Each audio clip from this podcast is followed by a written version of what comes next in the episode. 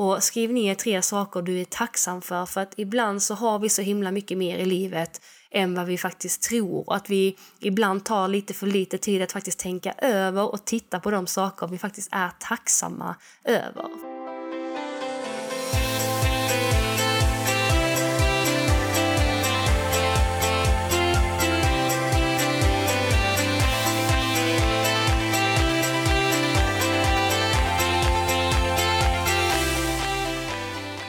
Hej allesammans och varmt välkomna till det nionde avsnittet av podden En mental halvhalt med mig Johanna Lassnack.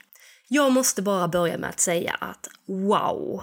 Nionde avsnittet. Det innebär att det har gått nio veckor sedan vi började här tillsammans. Alltså för mig är det helt galet. Det känns som att tiden bara har sprungit iväg. Jag vet inte hur du känner som lyssnar på det här men alltså jag känner bara att wow, vad har tiden tagit vägen? Hur som helst är det fantastiskt roligt att eh, många av er fortfarande verkar eh, hänga kvar här. Och eh, återigen vill jag bara passa på att säga det som jag verkligen hoppas har gått fram, för jag säger det verkligen från djupet av mitt hjärta, att jag är så tacksam för att ni lyssnar. Att du som sitter och lyssnar just nu faktiskt lyssnar. Och jag är också så himla tacksam för alla de mejl, kommentarer, DMs, PMs och allt däremellan som ni faktiskt har skickat in för att göra den här podcasten ännu bättre. Så återigen, stort, stort tack för det. I dagens avsnitt så tänkte jag att vi skulle prata om, ni vet, den där känslan när man känner att allting går lite segt när man känner sig omotiverad, när man hamnar i en grop, när man känner att man kanske egentligen inte orkar göra någonting, man orkar inte ta för sig någonting. Men när man känner att där är ingen inspiration. Och en sak som jag verkligen vill börja med att säga, det är att vi alla hamnar där. Även den absolut bästa hamnar där. Så när vi hamnar i ett läge av att vi inte känner oss riktigt inspirerade, vi känner oss trötta, vi känner oss utmattade, vi känner oss ja, men bara allmänt oinspirerade, så är det inte för att det är något fel på oss, utan det är, det är bara mänskligt. Jag känner så, Zlatan känner så, Peder känner säkert så, du känner så. Jag menar, vi är människor, vi känner så. Däremot så tror jag att det är väldigt lätt ibland att man känner sig ensam i det för att man kanske inte pratar om det. Det kanske inte är det man pratar om på, på festen, det kanske inte är det man pratar om med sina vänner, det kanske inte är det man pratar om i sadekammaren, det kanske inte är det man lägger upp på Instagram. För någonstans vi hänger väldigt mycket idag, det är ju faktiskt Instagram. Och jag vet inte hur det är med dig, men visst lägger du inte upp när det liksom känns jobbigt alla gånger. Du kanske inte skriver av dig om hur värdelös du känner dig just nu, hur oinspirerad du är, hur din säng är fylld av tvätt och du inte orkar gå och fixa det, hur ditt, eh, eh din lägenhet eller ditt rum ser ut, eh, hur eh, dåligt den senaste träningen har gått. Ja, men ni vet, ni kan göra listan lång. Vi pratar inte så mycket om det. Så vad jag vill prata om i detta avsnittet är just det. När man hamnar i den här svackan så finns det ju såklart många olika anledningar till det. Och någonting jag har eh, upplevt det är att man väldigt lätt kan hamna i en sån här svacka när man väldigt länge har jobbat för en grej. För mig var det när jag red Falsterbo förra året. Det var någonting som jag gjorde i juli men som jag började jobba för redan i januari. Så det innebär att jag jobbade väldigt många månader och sen på en dag så var det över. Och det här kan man ju liksom, det här kan ju vara både när det gäller tävling, det kan vara när man gör någonting man har sett fram emot länge, det kan vara att man har sett fram emot en resa, det kan vara att man har sett fram emot eh, en student, en fest, ja, men en tävling, ett meeting som man ska åka på, man har verkligen sett fram emot och sen så gör man det och sen när det är över så känner man bara en stor tomhet.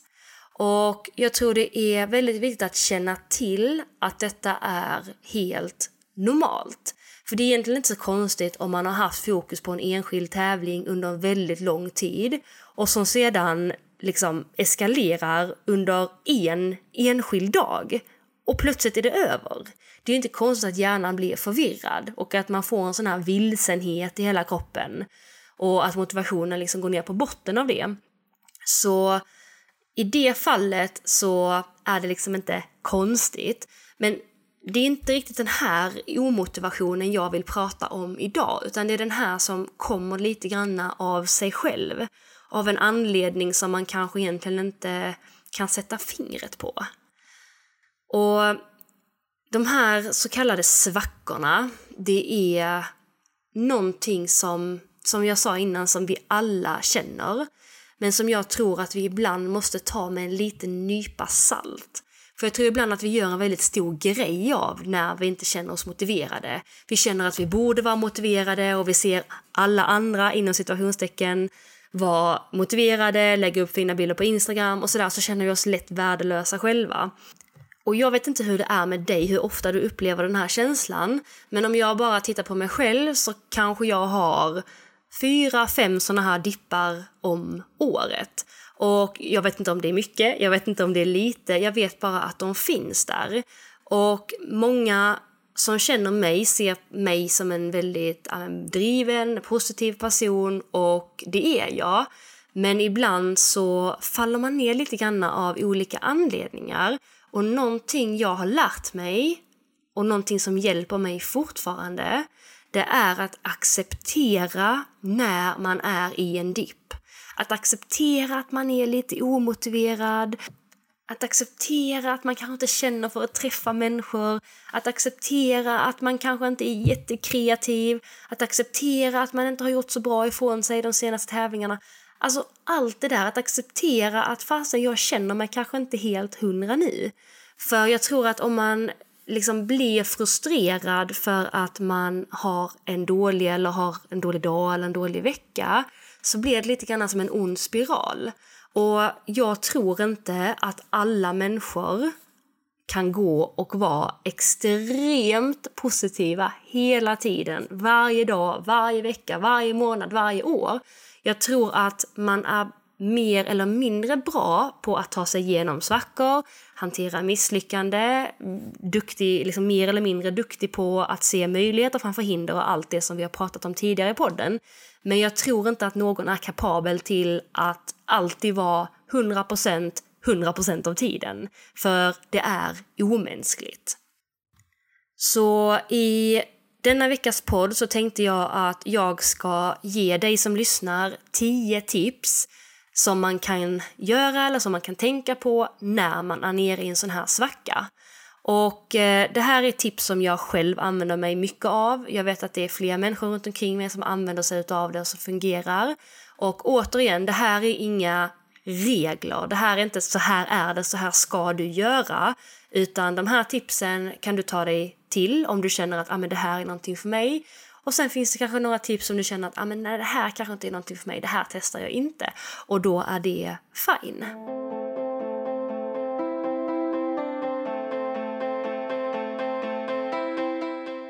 Det första tipset är ett tips som jag, när jag till en början hörde detta, tänkte så här: No way, det här är ingenting för mig. Och det handlar om att hålla i ordning.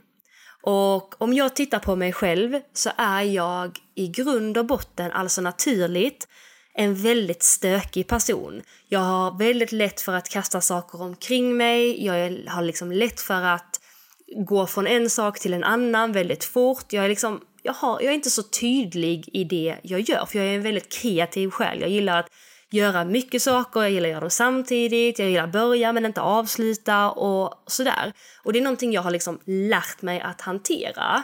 Så idag är det väldigt många som tittar på mig och tänker att amen, Johanna är en väldigt ordningsam person. Och ja, absolut, det är jag idag. Men jag är inte det naturligt. Så det är någonting jag har fått jobba med. Men anyway, när jag har mina dippar så kan jag ibland lätt falla tillbaka till gamla mönster. Det vill säga att jag har väldigt mycket oreda runt omkring mig, jag bryr mig inte så mycket om saker, jag tummar på mina normala regler. Och någonting jag brukar göra då, det är att tvinga mig att faktiskt ha ordning runt omkring mig. Och det kan vara en sån liten grej som att städa skåpet i stallet. Det kan vara att jag ställer mig och eh, putsar utrustningen. Det kan vara att jag städar lägenheten. Och Alla de här sakerna gör jag för att jag ska känna att jag har ordning och reda omkring mig. För att det gör att jag kan ta kontroll över situationen och då brukar jag må mycket bättre. Det är, verkligen förstå mig rätt nu, det är inte så att jag tänker så här när jag är nere att åh, nu ska jag gå och städa eller nu ska jag putsa, utan nej, nej, nej, alltså jag vill hellre strunta i det. Jag känner mig extremt omotiverad för att göra det. Men om jag gör det ändå utan att känna efter så mycket, jag bara gör det, även om jag vill stå där och spy samtidigt som jag står där och städar, så gör jag ändå det. För jag vet att efteråt så kommer det att kännas så himla mycket bättre. Och bara en sån sak som till vardags, att jag bäddar min säng, gör att jag börjar dagen på ett sätt där jag tar kontroll. Det vill säga jag går upp, jag bäddar min säng och då känner jag att ja men okej, jag har börjat bra, jag har gjort någonting bra. Då är det lättare för mig sen att göra nästa grej bra. Till exempel som när jag kommer hem på kvällen, istället för att slänga av mina kläder bara på fåtöljen, så tar jag dem och faktiskt hänger in dem i garderoben. För jag vet att om jag inte hänger in dem i garderoben idag och inte imorgon och inte i, liksom, om tre eller fyra dagar heller, så kommer det att bli ett berg på den där stolen om en vecka. Och när jag ser det där berget på stolen så kommer jag direkt få en klump i magen. Och så kommer det ta väldigt lång tid för mig att ta tag i den där äh, högen. Även om det bara är väldigt lätt att göra det så kommer jag skjuta på det ännu mer. Men om jag istället kan förhindra att det blir en hög, det vill säga att jag försöker hålla i ordning runt omkring mig hela tiden, så blir det väldigt mycket enklare i slutänden. Och jag känner att okej, okay, jag har faktiskt kontroll över läget.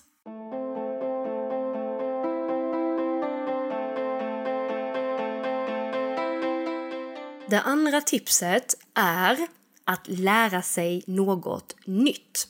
Och ja, du hörde rätt. Det kanske låter jättekonstigt till en början.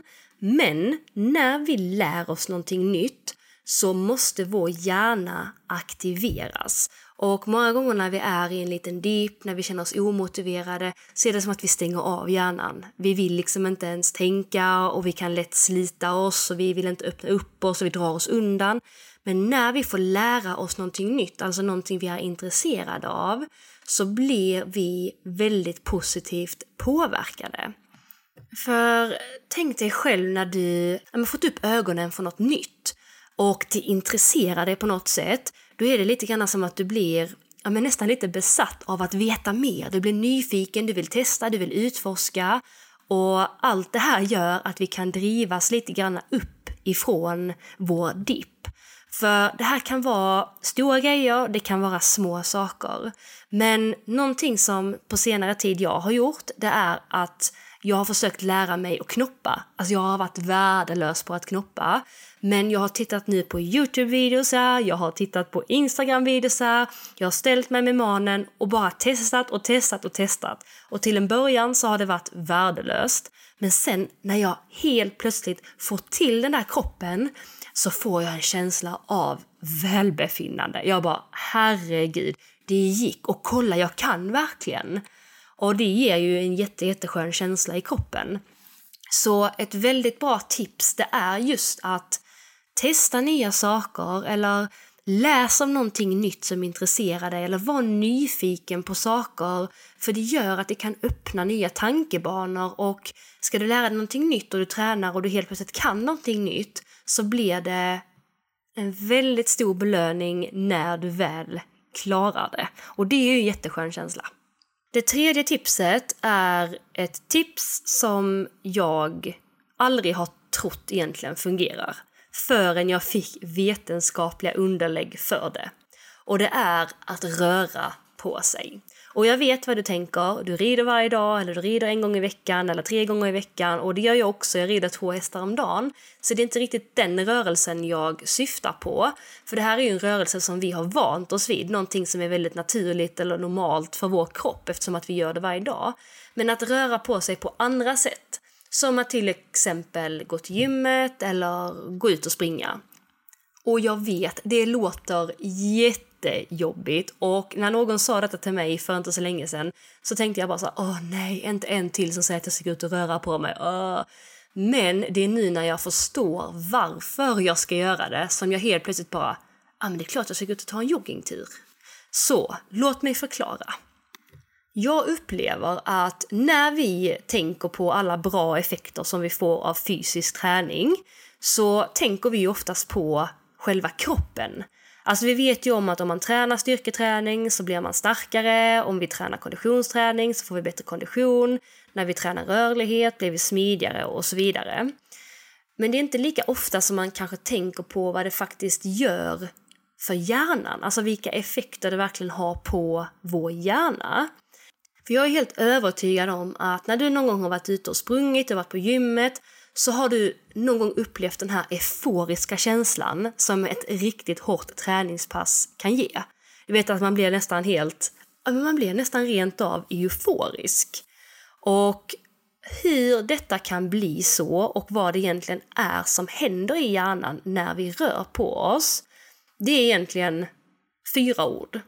Det är någonting som heter serotonin, dopamin, noradrenalin och endorfin. Och kanske har några av er hört de här orden innan. Men när man tränar fysiskt så är det just de här fyra ämnena som hjärnan frisätter. Det är alltså dessa fyra ämnen som tillsammans gör att vi får den här euforiska känslan. Och om vi då tittar lite närmare på dem så kan vi bara kort eh, se på dem och vad de, faktiskt, vad de faktiskt gör. Och serotoninen, det är det här ämnet som gör att vi får en känsla av lugn och tillfredsställelse. Dopamin har säkert många av er hört.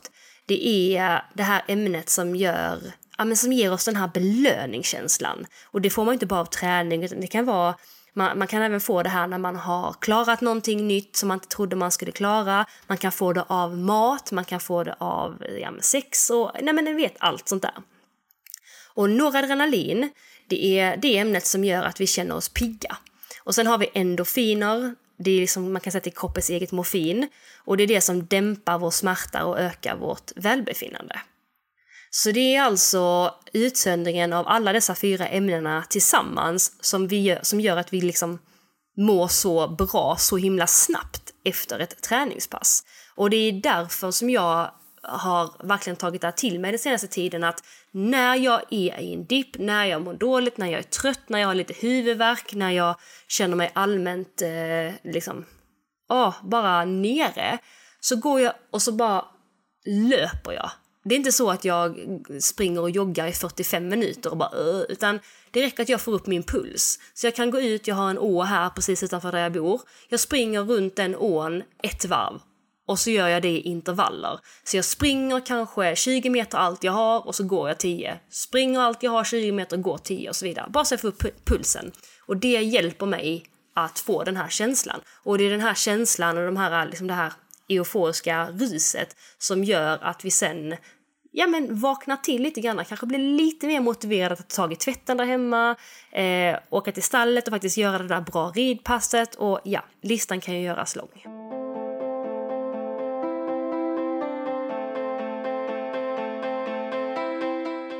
Det fjärde tipset det är ett tips som jag eh, faktiskt själv använder mig av varje dag oavsett om jag mår superbra eller jag är lite nere. Och det är att jag varje morgon lyssnar på en podd, jag kollar på ett Youtube-klipp eller jag läser en bok eller en text som jag har hittat kanske via någons Instagram eller via någons Facebook. Och det här är någonting som inspirerar mig. Det är alltså inga nyheter eller det är inget liksom tjafs eller det är liksom ingen gullig katt som leker med en boll utan det är någonting som på djupet inspirerar mig. Och det kan vara någonting som jag vill veta mer av. Det kan vara att jag har nördat ner mig i hovslageri till exempel. Jag vill veta hur någonting fungerar. Det kan vara att jag vill läsa om hästens matsmältning. Det kan vara att jag vill läsa om den här ryttaren jag ser upp till, han eller hennes bakgrund. Jag vill eh, ja, få tips om någonting. Eller så lyssnar jag på en eh, podd om en eh, hockeyspelare, även om jag inte spelar hockey så blir jag inspirerad av att höra hans resa.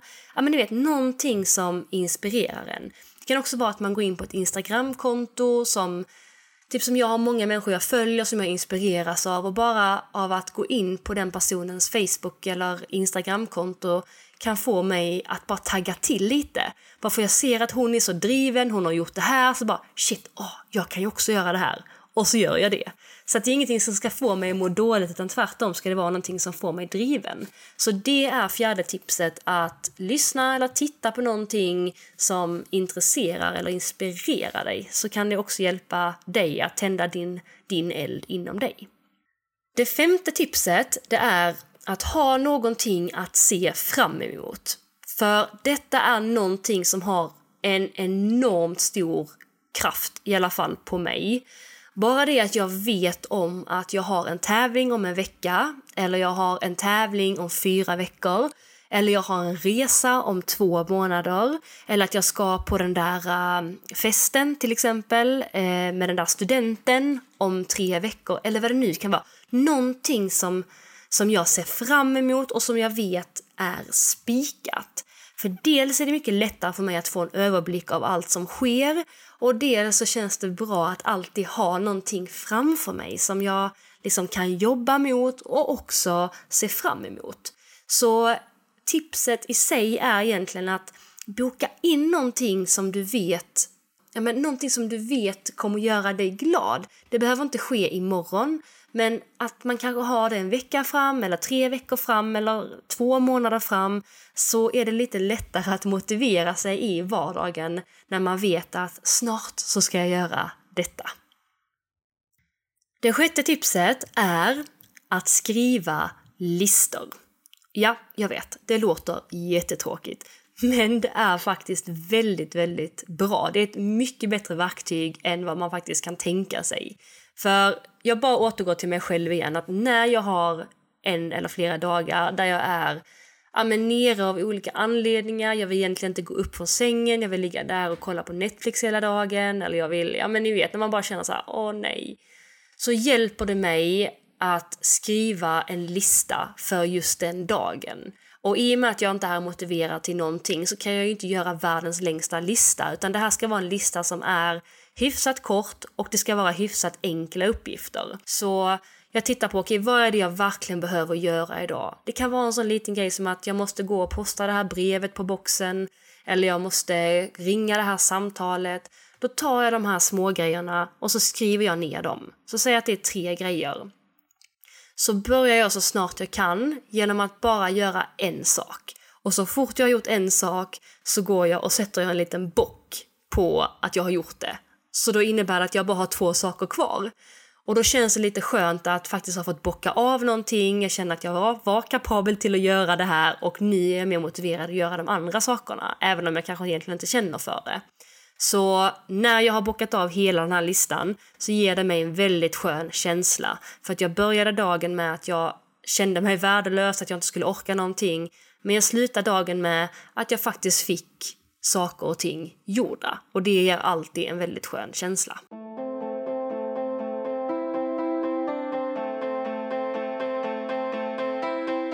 Det sjunde tipset är lite grann diffust kanske, men det handlar om att skapa egna möjligheter. Och vad jag menar med detta är att det känns som att vi ibland går och tänker på att en möjlighet kanske ska komma till oss. Vi går och hoppas på att en möjlighet ska dyka upp, att någon ska ringa, att man ska få en chans och absolut, jag tror att alla någon gång har fått en möjlighet. Men framför allt så är möjligheter någonting vi faktiskt själva skapar. Men det känns ibland som att vi tänker på att möjligheter det är som att en stor blå container en dag ska stå utanför vår ytterdörr där det står varsågod. Med en ny sadel och en ny häst. Och kanske en B-kortslastbil när den ändå står där. Men det är inte möjligheter, utan möjligheter kommer faktiskt till oss dagligen. Men i små, små, små, små, små, små paket som kanske direkt inte syns. De ligger där längs med vägkanten där vi går, kanske någon nere i diket. De finns där, men många gånger så kanske vi inte ser dem. För ni vet ibland hur snabb man är med att ta på sig de här skygglapparna. Jag pratar lika mycket för mig själv. Hur enkelt det är att man går upp på morgonen, man gör samma saker som man alltid gör, man går samma vägar som man alltid går, man hänger med samma personer som man alltid hänger med, och man är på samma platser som man alltid är på. Så att man kanske missar när det kommer en potentiell möjlighet. Och med det här sagt så har jag en väldigt nära vän, en av mina absolut bästa vänner. Jag tror att många av er också känner till henne. Hon är en väldigt etablerad och väldigt uppskattad tränare i Sverige. Hon heter Ann-Sofie Oskarsson. Hon har ett exempel som jag verkligen vill lyfta upp. Och det handlar om att verkligen skapa sin egen möjlighet. Idag så åker hon några, några gånger om året, jag tror det är ungefär två, tre gånger om året, till Tyskland och tränar för sin tränare. Och hennes tränare är Marcus Beerbaum. Hon åker alltså till Meredith och Michael Beerbaum några gånger om året för att hämta inspiration, för att få träna. Och då tänker man så att ja, men hon har väl eh, löst det på något sätt någon gång eller hon har ju så himla bra hästar eller hon rider så bra så det är klart att hon kan åka ner där. Men vet ni hur det började?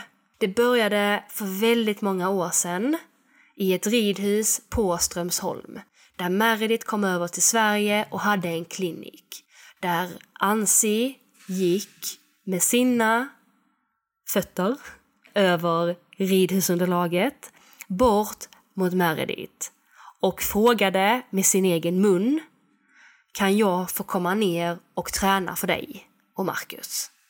Där började det. Och svaret blev uppenbarligen ja. Och med det här sagt så innebär ju det att det var ju ingen som ringde henne och frågade henne om hon skulle få skulle vilja komma ner och träna. Det var ju inte så att Meredith ringde henne eller att Marcus ringde henne eller att någon annan löste det åt henne. Utan hon skapade sina, sin egen möjlighet genom att gå fram och faktiskt fråga. För grejen är att hon hade ju aldrig varit här de här tio år senare, jag kommer inte ihåg exakt ihåg hur många år sedan det är, men det är mer än tio år sedan i alla fall. Hon hade ju inte varit idag där nere och tränat så mycket som hon gör om hon inte för tio år sedan hade gått fram och frågat.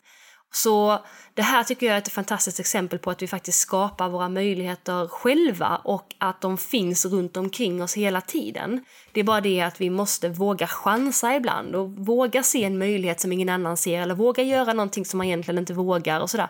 Ta chansen, för att frågar man inte så har man ju redan fått ett nej. Frågar man så har man ju i alla fall chans att få ett ja. Det åttonde tipset är ett så enkelt tips som att vara i nuet. Innan så sa vi det här att det kan vara bra att ha saker och ting planerade, att man har ett mål, att man kan se fram emot någonting och det ska man absolut. Men att aldrig hoppa ifrån nuet. Det är så lätt ibland att man går och längtar efter helgen och sen går man och längtar efter sommaren. Men jag vet inte hur det är med er, men har ni någon gång tänkt så att man går och längtar efter helgen och så kommer helgen och så är det egentligen inte något särskilt. Så tänkte man, vad är det egentligen jag, jag längtade efter? Eller om man, man längtar så mycket till sommaren men så inser man att oh, det är ju så varmt också.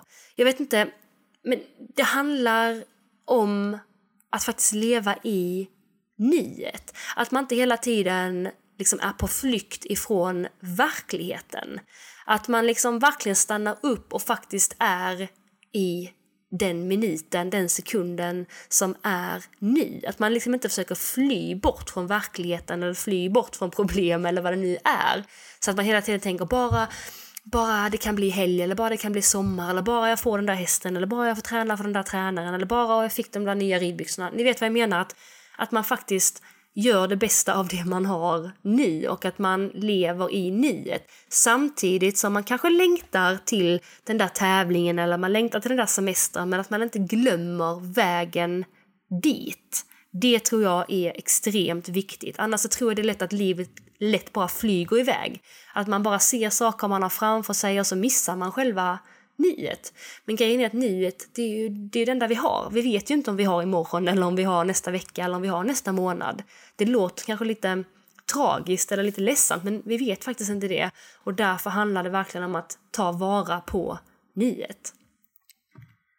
Det nionde tipset är egentligen väldigt enkelt och det handlar om att faktiskt göra någonting för någon annan. Att ge någon annan en komplimang, att kanske le mot en person eller ja, men göra någonting fint för någon annan. Därför att vi alla människor, vi gillar ju, de flesta av oss gillar mer att ge än att få. Och när vi ger någonting så, och vi ser att den andra personen blir glad så blir vi mycket, ja men vi blir väldigt glada själv också. Så att någonting jag brukar göra när jag känner mig lite nere det är att ja, jag kanske går in på Instagram och skriver en fin kommentar. Att jag skriver att den här tjejen rider så himla bra som jag har tänkt så länge men aldrig skrivit. När jag är ute på stan så ger jag ett leende till en helt ny främmande person. Även om det är jätteskrämmande så brukar jag ofta få ett leende tillbaka och då direkt så blir jag glad för att den personen ler.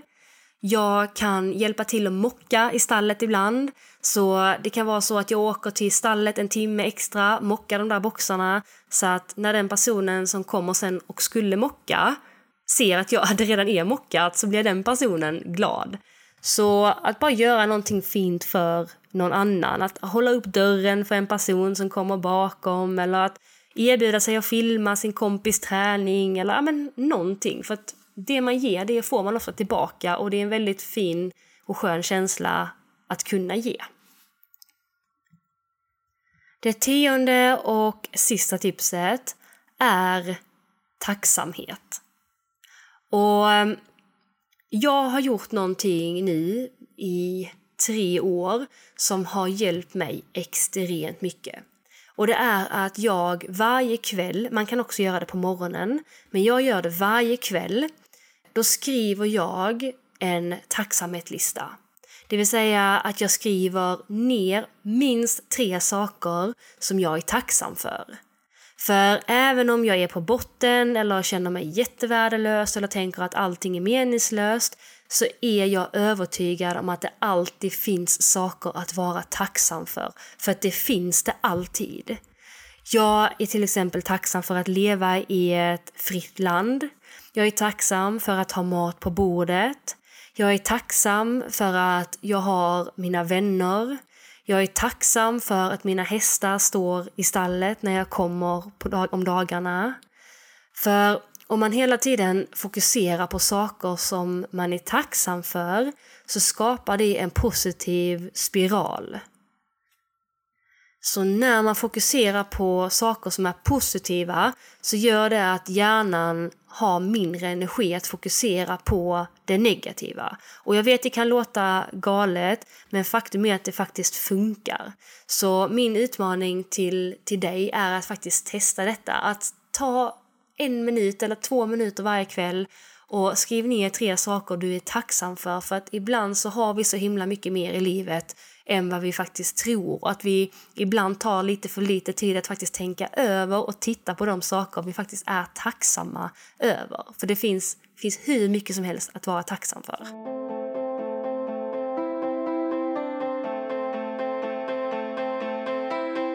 Detta var det sista tipset. Så nu har vi alltså gått igenom tio olika tips som man kan eh, ja, göra när man eh, känner sig lite omotiverad eller nere. Och om vi bara sammanfattar dessa tio tipsen så var det ju först och främst att, att acceptera att man mår dåligt ibland, för det är okej. Okay. Eh, att hålla i ordning runt omkring sig, att se till så att saker och ting står där de ska stå och att man har kontroll på läget. Det andra tipset var att lära sig någonting nytt. Det tredje tipset var att röra på sig, gå ut och springa eller köra någon liten intervallträning.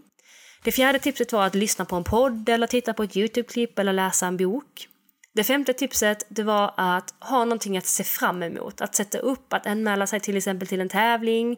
Man kanske planerar in att träna den här gästtränaren kommer till klubben. Att man har en resa till exempel. Det sjätte tipset var att skriva listor på dagen. Så att man vet vad man har framför sig och att man kan checka av allting man har. Även om man inte känner sig jättemotiverad till att göra det. Det sjunde var att skapa egna möjligheter. Att inte gå och vänta på att någonting ska ske utan att man faktiskt vågar skapa sina egna möjligheter.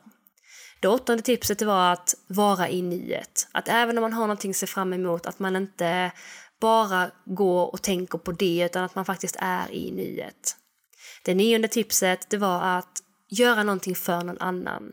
Hjälp till med någonting, ge en komplimang, le till en ny person det tionde tipset och sista tipset det var tacksamhet. Att visa tacksamhet, att ta till exempel varje kväll till att skriva ner tre saker man faktiskt är tacksam över. Tusen tack för att du lyssnade på det här nionde poddavsnittet. Nästa vecka kör vi det absolut sista poddavsnittet för den här säsongen. En mental halvhalt kommer sen ta ett litet break och sen är podden tillbaka igen i höst. Tusen tack för att du lyssnade idag. Är det så att du vill följa mig på Instagram så gör du det enklast på Instagram där jag heter Johanna Lassnack. Och vill du ha daglig inspiration och motivation så följer du enklast Ryttarinspiration på Instagram eller Facebook under namnet Ryttarinspiration. Är det så att du vill komma med tips om ämne, du vill ge feedback, säga något positivt, säga något negativt, vad det än är, vill du skriva någonting till mig så gör du det enklast på e-mailadressen enmentalhalvhalt.ryttarinspiration.se. Vi hörs nästa vecka. Hej så länge!